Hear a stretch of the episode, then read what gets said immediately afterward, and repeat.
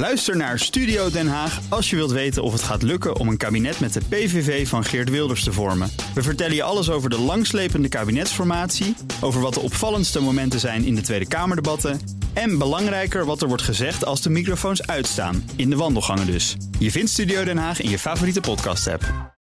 Een panel bestaande uit Aline Schuiling, senior economist bij ABN AMRO... Edin Mujadjic, hoofdeconoom en hoofdeconoom Nee, auteur staat er nu sinds, sinds uh, kort. Auteur, ja? Ik heb er niks mee te maken. Oh, ja, een nieuwsbrief op zijn minst. Auteur en hoofdeconoom bij OHV Vermogensbeheer. En Joost van Leeners is hier ook beleggingsstratege bij Kempen.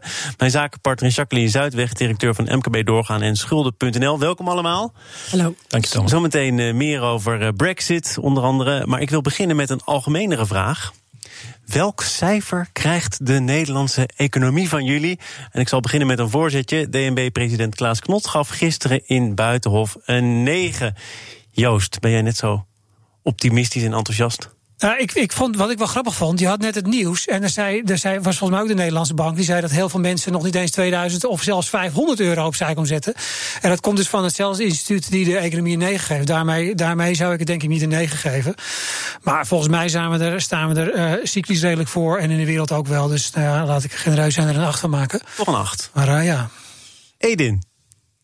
Ik zat te luisteren naar de president van DNB afgelopen zondag. Uh, toen hij inderdaad zei: uh, de Nederlandse economie krijgt van mij een 9. En ik moet je zeggen dat het uh, in mijn ogen heel moeilijk is om het niet met hem eens te zijn. Inderdaad, als je kijkt naar de werkloosheid, als je kijkt naar allerlei andere macro-indicatoren, die, die geven allemaal aan dat het, dat het heel goed gaat. Ik zou ook meteen een 9 willen geven aan de president van de Nederlandse Bank zelf. Omdat hij ook heel. Niet eens om gevraagd, maar nee, goed, maar, deel maar uit. Kijk, um, hij was in mijn ogen heel realistisch. Hij zei meteen daarachteraan: de kans, als je dus een 9 geeft, zoals hij deed, de kans dat het minder gaat worden, is, uh, is aanwezig. En dat er een recessie aan zit te komen ergens in de komende jaren, is. Het is niet de vraag of het gaat gebeuren, maar nee, het, het gaat feit, gebeuren. Ja. Het is heel realistisch, want zijn collega's bij de ECB die denken daar volgens mij net iets anders over. Een 9. Aline, jij mag afsluiten. Nou, ik ben het eerder met Joost eens dan met Edin. Ik zou ook een lager cijfer willen geven. Ook, ja, economie is natuurlijk een heel breed begrip. Maar Joost je geeft toch nog een 8, hè? Ja, vind ik ook nog aan de hoge kant, hoor. Want je, kijkt natuurlijk naar de, je kan naar de conjunctuurcyclus kijken. Je kan ook kijken naar de inkomensverschillen. Je kan kijken naar wie doen er mee in de economie. Wie staan er buitenspel. Uh, ja, donderdag wordt er weer gestaakt in het onderwijs. We hebben stakingen in de gezondheidszorg gehad. Dus er zijn ook heel wat uh, aspecten, vind ik, ook aan de economie... die een veel, veel lager cijfer verdienen. Dus het hangt er maar net vanaf waar je naar kijkt. En ik zou eerder voor de 6 à 7 gaan. Ja, we hebben het net inderdaad in het nieuws gehoord. Hè. De financiële reserves van veel mensen laten te wensen over. Komt naar buiten via uh, de Nederlandse bank. Ja, en de schuldenproblematiek is de afgelopen jaren alleen maar toegenomen. Dat is jouw domein? Ja. Als je ja, met dan... die bril kijkt, een 9 voor de Nederlandse economie, zou je ja, dat kunnen voor, rechtvaardigen of niet? Nee, nee. Nee, ik ben, er, ben het niet mee eens. Ik, uh, ik zou zeggen eerder een, een 7. Hè. Natuurlijk, de, groot, het grootste deel gaat, gaat goed. Hè, maar ik hou me natuurlijk bezig met de, de achterkant, zeg maar.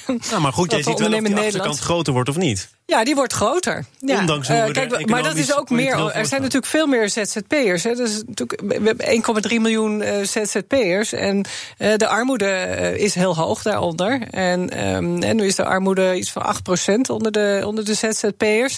En dan kan je zeggen, van, ja, hij, was, hij was eerst 9% en is nu 8,5%. Dan kun je zeggen, van, ja, oh, dat is een stuk minder. Maar ja, in de absolute aantallen zijn er heel veel meer ZZP'ers. dus dat is heel zorgelijk. En zij zijn natuurlijk de flexibele schil van uh, ondernemend Nederland. Dus op het moment dat we richting een recessie gaan, en dat ga je ooit, hè, what goes up goes down. We hebben de, uh, allemaal met economie geleerd over de varkenscyclus.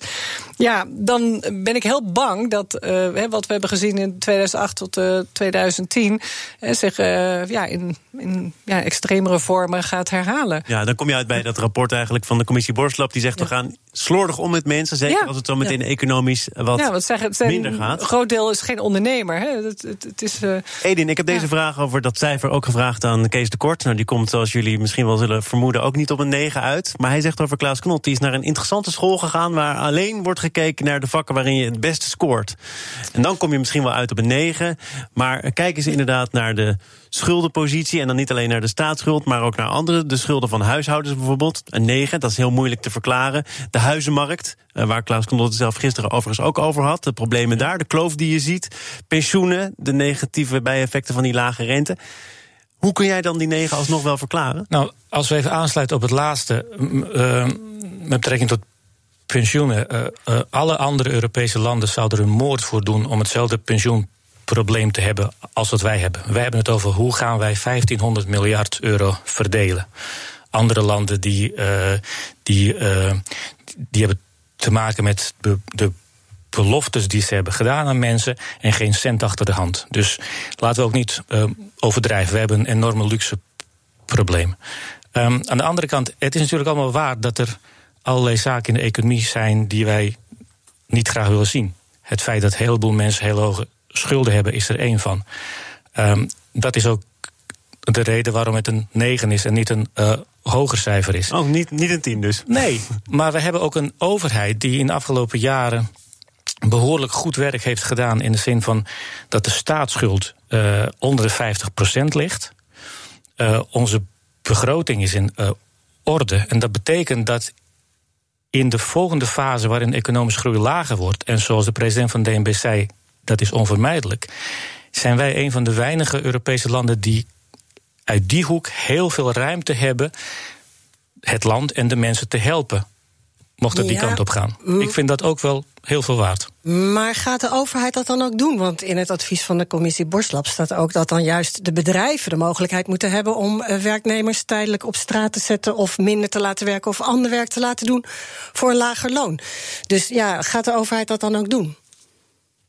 Ik denk als je, als je kijkt naar de reactie van de Nederlandse uh, overheid. Elke keer als het economisch minder ging, uh, reageerde die onder andere door de belastingen uh, lager te maken. Ik denk dat dat er nu ook wel in zit. Dat komt ook neer op het pleidooi van Knot. Die heeft gezegd natuurlijk. om die economie draaiende te houden op dit pijl. Misschien moeilijk, maar blijf investeren in bepaalde zaken. Infrastructuur noemen die, kennis, digitalisering. Maar hij zei ook, een belastingverlaging zou een optie kunnen zijn. Ja, kijk, die, kijk, dat investeren is natuurlijk iets wat, uh, wat nu in de hele wereld geroepen wordt. Hè? Want die rente zo laag is, de overheid moet investeren. Het is natuurlijk wel, het is natuurlijk wel fascinerend dat we nu allemaal een soort van uh, uh, de heil bij de overheid zoeken. Omdat de overheid in die, begrotingsoverschot. Hè? Dat ja, en, en, ze, en ze geld toekrijgen als, als, als leen. Hè? Dus dan kan je, zeggen, het maakt bijna niet uit waar je het insteekt. Nou goed, prima. maar eventjes aanhangen wat Eden zei, dat, dat, dat begrotingstekort is goed. Ehm, als je kijkt hoe Nederland het doet in internationale lijstjes op het gebied van vestiging, klimaat en concurrentie kracht. Uh, de, de, de, problemen van een lage rente voor wat de gevolgen heeft voor de, voor de pensioenen, voor de huizenmarkt.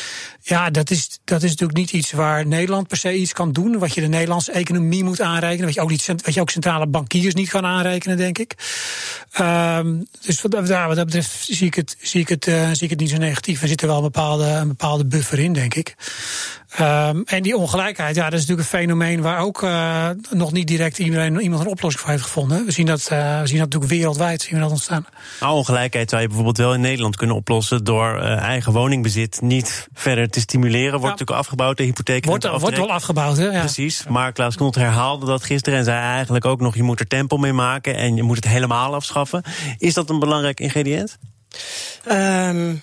Ja, het, wat, wat jou zei, er wordt al aan gewerkt. Ik, ik begrijp dat meneer Knot ook heeft gezegd dat de inkomstenbelasting nog weer verder omlaag moet. Ik, ik, ik weet niet eh, wat dat nog helpt. Het vestigingsklimaat ook. Dan denk ik, ja, wat je leest is dat voor een deel ook gewoon dat Nederland natuurlijk gewoon een soort belastingparadijs is geworden voor uh, uitermate dubieuze uh, internationale praktijken. Die mevrouw heet ze, Isabel dos Santos, die het allemaal via Nederland laat lopen. Ja. Denk, nou, moet je daar nou trots op zijn? Dat, dat zij haar bedrijven hier in, uh, in Nederland heeft gevestigd. Dus ja, ik, ik, ik weet niet. Ik zie het allemaal net iets wat genuanceerder. Knot werd ook overigens op persoonlijke titel nog gevraagd naar of hij spaart. Uh, vond ik een mooie vraag van Van Huis, als het meen ik. En hij zei: Ja, dat, dat doe ik. En dat blijf ik doen, want het is nuttig. Ik heb mezelf bepaalde doelen gesteld. En die kun je realiseren door te blijven sparen. Uh, maar... Moet je, moet, je, steeds meer sparen met die lage rente? Dat gebeurt ja. ook. dat, gebeurt ook. Dat, gebeurt. dat, is, ook. Ja, dat is een van, de, een van de signalen waarom dat beleid van de ECB om die renteman op 0% te houden. Als je dat voor het eerst doet, als, als die rente van 4, 5% richting 0 gaat, dan geeft het het geweldig impuls aan de economie. Naarmate je dat langer volhoudt, weg, uh, dat impuls weg, om, omdat mensen in reactie daarop meer gaan sparen. Uh, dan Waar je op hoopt met 0% rente is dat mensen minder gaan sparen en meer uitgeven en de groei aanjagen. Nu gebeurt precies dat wat je niet wilt. Maar dat is toch niet logisch? Als je geen rente meer krijgt, dan zou je zeggen: geef het uit of kies een andere manier om je dat geld te laten niet. renderen. Dat weet ik niet. Ik kan me ook heel goed voorstellen dat uh, heel veel mensen denken. Mm, er zal toch een reden zijn waarom de ECB de rente op 0% houdt. Ik zie het wel allemaal zonnig in. Dan gaat iets niet goed. Maar de mensen die daarvoor doorgeleerd hebben, die houden rente op 0%. Blijkbaar zie ik het niet goed in. Blijkbaar is er iets aan de hand.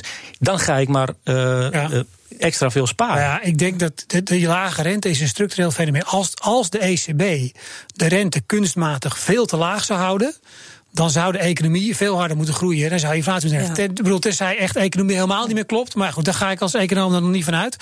Uh, dus het is een structureel fenomeen. heeft te maken met kapitaaloverschot, met demografie, met uh, uh, nou, van alles. um, ja, goed, ik denk, ik denk dat het, het, het, het, het, de demografie daar wel een rol in speelt. Hè, het ja. sparen voor pensioenen en dergelijke. Nou ja, goed. Dus dat is structureel, dat, dat is structureel lager. Wat minder de, de zwarte piet toe te schuiven, toch? Ja, maar ik denk dat je die ECB op dat punt ook niet de zwarte piet toe moet schuiven. Nee. Als, als de, ECB, als, de, als de ECB de rente nu opeens op 4% is, dan is niet dat het allemaal fantastisch gaat, dat, allemaal, dat we allemaal niet meer hoeven te sparen en dat alles voorbij is. Die structureel is die rente laag en de ECB moet daarin mee. En dan kun je zeggen, negatief is misschien een beetje te weinig. Maar ook als het nul is, dan moet je nog steeds meer sparen om een doel te halen dan wanneer je 4, 5% krijgt. Ja, en ik vind het ook dat je moet natuurlijk heel erg uitkijken dat je niet uh, het beleid van de ECB alleen op de Nederlandse economie betrekt. Want de ECB kijkt natuurlijk gewoon naar de hele eurozone, naar alle landen. En daar zitten gigantische verschillen tussen. En er zijn nog steeds ook heel veel landen die die negatieve rente wel nodig hebben om een bepaalde economische groei te, generaliseren, te genereren. En ja, Nederland staat op dit moment ja, aan de andere kant, samen met Duitsland. Maar ja, het, is, het, wel, wel dat is, uh, het is wel interessant dat je ziet dat er natuurlijk wel um, uh, steeds meer oog komt voor de negatieve kanten van de negatieve rente. Ja. In Davos waren er ook bank, een aantal bankiers die zeiden van er moeten vanaf. Het is voor, voor banken moeilijker om geld te verdienen. Dat bankiers er vanaf willen? Nee, nou, die, die preken voor eigen parochie, kun je zeggen. Maar een gezond bankwezen is ook in ons aller belang. Uh, denk ik. Um, als je kijkt in Zweden, de Riksbank, die is terug naar neutraal gegaan. Ook dat ze zeiden negatief volgt niet alleen voor bankwezen, maar ook uh, voor een deel hou je bedrijven overeind die je misschien niet overeind zou moeten houden, met gevolgen voor je productiviteitsgroei. Uh, dus, dus ja, negatieve nul is nog wel een verschilletje, denk ik. Maar goed, ook als je op nul zit, dan los je dat spaarprobleem los je daar niet mee op. Maar op het moment dat je, dat je die rente langdurig op 0% houdt, je merkt gaandeweg dat de negatieve aspecten daarvan steeds dominanter worden, um, dan is het toch het, een, uh, het enige wat je moet doen, is dat je jezelf gaat afvragen: is het beleid wat ik ingezet heb, is dat nog steeds goed genoeg voor de economie om me heen en de gewijzigde economie om me heen? En dat is eigenlijk waar we het dan ook over zouden moeten hebben: de review van de strategie van de ECB. Als je de rente langdurig op 0% houdt in de hoop dat de inflatie van 0 naar 2% stijgt en het lukt maar niet, dan moet je in mijn ogen eerder gaan afvragen: is er iets structureels met de inflatie aan de hand? En niet maar blijven zoeken naar redenen om die rente langdurig nog langer op 0% te maar houden. Is er niet een goede reden, net ook aangegeven door Aline, dat er namelijk niet zoiets is als iets wat voor alle Europese landen even goed uitpakt? Als je nu iets gaat doen aan de rente, dan heeft dat voor de zuidelijke lidstaten natuurlijk een heel ander gevolg dan voor ons. Kijk, je kunt niet zeggen um, dat uh, de ECB niet naar de situatie in Duitsland en Nederland moet kijken en vervolgens zeggen dat de rente op 0% moet blijven, omdat de landen in het zuiden zijn die die rente nodig hebben. Als we gaan kijken naar de eurozone, dan gaan we kijken naar de eurozone. Als je kijkt naar de redenen waarom de ECB de rente destijds verlaagd heeft naar 0%, dat was omdat er een recessiegevaar was in de eurozone en omdat er een deflatiegevaar was in de eurozone. Ik denk dat je heel ver moet gaan om, om te zeggen dat er nu nog steeds deflatiegevaar in de eurozone aan, uh, uh, is. Met andere woorden, er is geen er is misschien veel reden voor de ECB om de rente laag te houden, maar er is geen enkele reden voor de ECB om de rente op 0% te houden. Als je kijkt naar 2016, 17 en 18, inflatie boven de 1%, groei boven de, de 2%. Als de bank toen twee of drie keer per jaar de rente met 25 basispunten had, had verhoogd, hadden we nu de ECB-rente van tussen anderhalf en 2,25 procent, hadden we deze, deze hele discussie niet het gehad. Het is dus niet gebeurd. Ja, nee, maar het dat, ligt dat aan de ECB ja, dat ze dat te is, lang nul, de rente ja, op 0 procent hebben nee, gehouden. Maar dat is wat Joost ook al zei. Dat is de neutrale rente. Dat is dus het niveau waarbij je je economie niet stimuleert en niet afremt. Is gewoon stelselmatig gedaald wereldwijd. En dat heeft inderdaad ook te maken met, met, met vergrijzing, met meer sparen. Rente is uiteindelijk een beloning voor sparen. Hè? Dus uh, uh, ja, die, die is daardoor ook gewoon structureel naar beneden gekomen. De potentiële groei van de hele wereldeconomie is ook gedaald. En daar ligt dat, dat ja, dus die neutrale rente, waarbij je dus geen effect hebt op je economie, is al heel laag. Die ligt rond de 1,5, 2 misschien. Dus je moet dus negatief om nog te stimuleren. Oh. Ja, maar je moet dus als je dus nog wil stimuleren als centrale bank, moet je negatief. En de Amerikaanse centrale bank heeft natuurlijk ook de rente verlaagd. Moet je nog, moet je nog willen stimuleren? Dat is de vraag. Nou ja, het is, het is een wereldwijd fenomeen. De meeste centrale banken zitten nog steeds in een fase waarin ze stimuleren. Is het niet een wereldwijd groei. fenomeen dat nee, al die banken groei, elkaar ook napraten? De groei in de eurozone als geheel ligt al acht kwartalen eh, onder het trendmatige niveau. Of, of, er, of erop, 0,2, 0,3. Dus onder het trendmatige niveau. Je ziet de werkloosheid. De arbeidsmarktcondities zijn aan het verslechteren. Hè? Dus voor de eurozone als geheel gaat de werkloosheid waarschijnlijk in de loop van het jaar oplopen.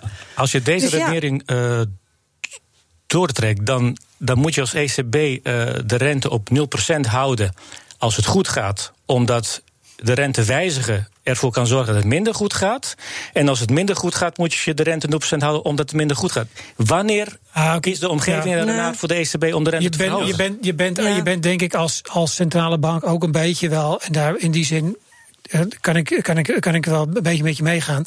De, je bent ook een beetje gevangene van je beleid wat je gevoerd hebt. Want wat je in de hele wereld ziet, is ook dat de, de schulden. dus van bedrijven, gezinnen, overheden uh, zijn toegenomen. En dan hebben we het wel eens over deleveraging, afbouw van schulden. Nou, als je kijkt, de schuldratio's van de BBP, dat is gestabiliseerd, maar niet afgenomen. Dus die schulden zijn gewoon heel hoog. Dus je, dat maakt je gevoeligheid voor je economie, voor renteverhoging ook groter. Ja. Dus um, uh, niet meteen, hè, want heel veel schulden zijn lang gefinancierd. Dus kijk naar bedrijven, die hebben zich veel langer gefinancierd de afgelopen jaren. Dus die rente niet meteen. Maar als die rente omhoog gaat, kom je ook gewoon eerder kom je gewoon ook in een probleem. Als je, als je kijkt naar de Verenigde Staten, wat daar gebeurde. Uiteindelijk moest de centrale bank natuurlijk die draai maken omdat de beurs onderuit ging. Maar je zag de huizenmarkt, zag je vrij snel reageren. Dus in die zin ben je ook een beetje gevangene van wat je de afgelopen, uh, nou ja, weet ik veel, 10, 15 jaar gedaan hebt. Maar heb je een kans gemist op het moment dat. Ja, maar, maar, maar, maar, ja, goed, maar dan zou ik ook de vraag willen stellen. maak je ja, zou ik ook de vraag Dus als je dan kijkt naar Japan, daar hebben ze ook al heel lang nul rente. En ik ook maar geen inflatie. Zou het nou beter geweest zijn als ze daar 3, 4% rente hadden gehad? En in Klaas nou, dat ook niet, Knot kwam nog op Japan terug en die zei: ja, daar is het, nog, is het probleem twee keer zo groot. Maar dat klonk niet als iets waar we nu naartoe moeten. Even terugkerend naar het begin van deze uitzending. Waarom gaf hij met als de wijsheid een negen aan de Nederlandse economie. Als, je, dus met al deze problemen. En hij is de ECB. Hij is natuurlijk gewoon de ECB. Dus, nou, je dus- merkte dus, wel dat hij dat uh, lastig vond. Want hij zei: ja, als ik kijk naar de Nederlandse belangen, dan zou ik aanzeggen. Maar ik zit daar in Frankfurt voor het Europese belang. Ja. En daar werd toch allemaal net wat minder. Houdt, ja, Houdt iedereen in het bestuur van de ECB diezelfde uh, instelling maar? Dan was de situatie Want dan zou iedereen vanuit ik heb het gevoel dat daar, Ik heb het gevoel dat daar een heleboel mensen zitten die uh, besluiten hebben, eh, hebben mede hebben genomen. Uh, ingegeven door wat een Spanje nodig heeft, wat een Griekenland nodig heeft, wat een Italië nodig ja, heeft. Maar en dat heel heeft wel aan de kant gestaan van de Havik. Ja, ja nee, dat is niet omdat hij zo hard over nadenkt over wat Spanje moet doen. Nee, maar dat zeg ik ook. Als er meer mensen naar de eurozone hadden gekeken... in plaats van alleen wat hun eigen land uh, nodig heeft. Ja, maar vind je nou dat Klaas was... erg naar de eurozone kijkt of niet? Nee, hij kijkt naar zijn eigen land, maar hij kan niet anders. Hij kan niet anders. Ja, ja, okay. Als je in het bestuur van de ECB zit, moet je naar de eurozone kijken. Ja, dat maar doet hij dat ook? Ik vind van wel. Ja, ik vind, als je kijkt naar Klaas Knot en als je kijkt naar Jens Wijtman, wat de havingen zijn, zijn binnen de ECB, die uh, ook met die laatste ronde van kwantitatieve verruiming, dat, dat Klaas Knot de dag daarna komt en zegt van nou, ik ben het er niet mee eens. Ja. Dan denk ik, dan zeg ik, dan denk ik niet dat je heel erg het belang van Spanje in je achterhoofd hebt. Maar dan heb je meer het belangrijk van Nederland in dat je achterhoofd. Dat weet ik niet. Denk ik. Kijk, waar je als ECB op, op hoopt is je houdt de rente op 0% in de hoop dat landen, de overheden, hun economieën gaan hervormen. Laten we ook de, niet de fout maken dat de groei komt door de centrale banken. Groei komt doordat de economieën hervormd worden. Als je nu tegen de landen in het zuiden, zoals Spanje of Italië, al zegt: ik hou die rente nog jarenlang op 0%, dan moet je je achteraf na een paar jaar niet afvragen waarom gaan ze niet hervormen. Ze doen dat niet omdat ze weten wat jij gaat doen dus je moet nu tegen die landen zeggen: hou er rekening mee dat ik de rente over enkele jaren ga verhogen. De politieke situatie in heel veel landen in de eurozone is verlamd. In België hebben we al sinds mei geen regering. In Spanje hebben we vier verkiezingen in vier jaar. De politieke situatie in Italië is ook dramatisch. Nederland hebben een coalitie van vier. Finland hebben een coalitie van vijf. Dus het is heel moeilijk, zo niet onmogelijk, om nog überhaupt beleid te maken in heel veel landen van de eurozone. Laat staan hervormingen, ingewikkelde dossiers. In Nederland ook wordt allemaal vooruitgeschoven door commissies omdat het zo moeilijk is om regeringspartijen op één lijn te krijgen. Het is, er is een politieke crisis ook. En de ECB ja, stapt daarin. Dat, zo zie ik het wel. De ECB is het enige eurozone-instituut dat handelt, dat functioneert. Je hebt geen begrotingsunie, je hebt in veel landen een politieke crisis. Ja, en, en de ECB die, die pakt dat, dat betreft, op. Dat betreft, zo, die centrale banken die krijgen ook al veel op een bordje. Dus die ook met die, nu met die, ja. over die review die je net al vernoemde. Weet je bepalen toch zelf hoeveel ze op een bordje krijgen? Of je klimaat. Nou ja, dat, dus, dat, dus daarom denk ik ook in zo'n review moet je ook klimaat doen. Moet je ook, die, moet je ook, doen we nou inflatie en financiële stabiliteit. Um, uh, maar goed, ja, het is wel inderdaad, als de rest niet handelt, dan, dan word je ook op een gegeven moment in een hoekje geduwd. -hmm. ik heb jou net uh, aangekondigd als auteur. Nou, je bent de auteur van je eigen nieuwsbrief. Ik heb hem gelezen uh, van de afgelopen weken over die review onder andere. Daarin zeg je dat je misschien ook wel eens moet overwegen om niks te doen. Hè? Lagarde zei, als we niks doen, dan ik falen vond, we. Ja, ik vond dat echt de meest verbijsterende uitspraak van de president van de ECB van afgelopen week. Dat ze zei van, niets doen is, is, is, is automatisch falen. Nou, niets doen is altijd een optie. En soms is niets doen de beste optie die je hebt. Als ze nu al zegt dat niets doen gelijk is aan falen, dan zegt ze in feite dat onder alle omstandigheden, welke omstandigheden dan ook, moet de ECB altijd in actie komen. Ik vind dat een heel gevaarlijke uitspraak voor een president van de centrale bank. Zijn jullie net zo verbijsterd als Edin? Nou, als je het heel letterlijk neemt wel. Dus, dus, maar ik bedoel, ik op, ja. uh, de afgelopen vergadering is er helemaal niks gedaan. Het is niet dat nou, dat nou iedere beleidsvergadering de ECB aan alles gaat sleutelen. Dat zo geloof ik niet. Dat Ze hebben naar je geluisterd, Edin. Ze hebben zo, niks gedaan. Dat lijkt me sterk. Zo moet je het volgens mij uh, niet zo letterlijk nemen. Maar als je het betrekt op die review. Ja, daar kan ook uitkomen dat uh, de inflatie dicht bij 2% net eronder, dat dat een prima doelstelling is. Ja, dat, dat, dat heb ik wel mee. Dat hoef je niet per se te veranderen. En ik denk ook, wordt wel eens gezegd, je moet, dat, je moet dat hoger zetten. Ik denk als je een doelstelling niet haalt en je zet hem dan hoger, dat lijkt me helemaal niks. Weet je, als, uh, als ik met mijn kind een afspraak maak en die haalt het niet, dan zeg ik van nou, dan volgende keer zetten we de afspraak maar wat makkelijker. Nee, dat moet je eerst maar eens daaraan voldoen.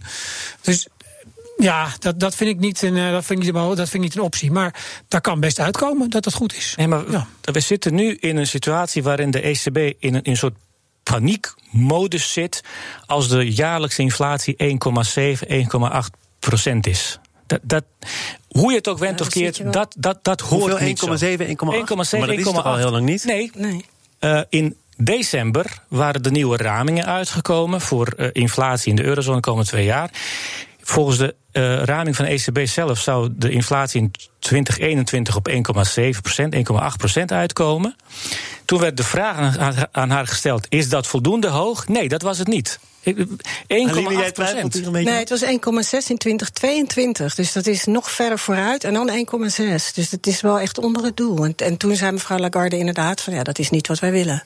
Het was 1,7, dat weet ik zeker. Oeh, jongens, het wordt nog spannend hier in het nou, economenpanel. We de biertjes erbij. Uh, precies. Uh, we zijn ook aan het einde van de uitzending. Dus als jullie met elkaar op de vuist willen gaan en de papiertjes er bij willen halen, dan kan dat vanaf nu. Aline Schuiling, werkzaam bij ABN AMRO. Edin Mujadjis, hoofdeconoom bij OHV Vermogensbeheer en auteur. Dat ga ik gewoon inhouden. En Joost van Leeners, beleggingsstratege bij Kempen, mijn zakenpartner. Weet alles van schulden en nog heel veel meer. Jacqueline Zuid van MKB Doorgaan en Schulden.nl. Fijn dat je er was. Morgen dan is hier Jan van der Kolk van Holland Questor. Uh, dat allemaal morgen vanaf 12 uur. Zometeen is het eerst tijd voor Newsroom. Dat is de dagelijkse podcast van het FD en BNR. Gepresenteerd door Mark Beekhuis. Veel plezier. Tot morgen. Ook Diana Matroos vind je in de BNR-app. Ja, inderdaad. Je kunt live naar mij luisteren tijdens de Big Five. Ook handig in de BNR-app. Breaking nieuwsmeldingen, maar ook het allerlaatste zakelijke nieuws. En je vindt in de app alle BNR-podcasts, waaronder Wetenschap Vandaag. Download nu de gratis BNR-app en blijf scherp.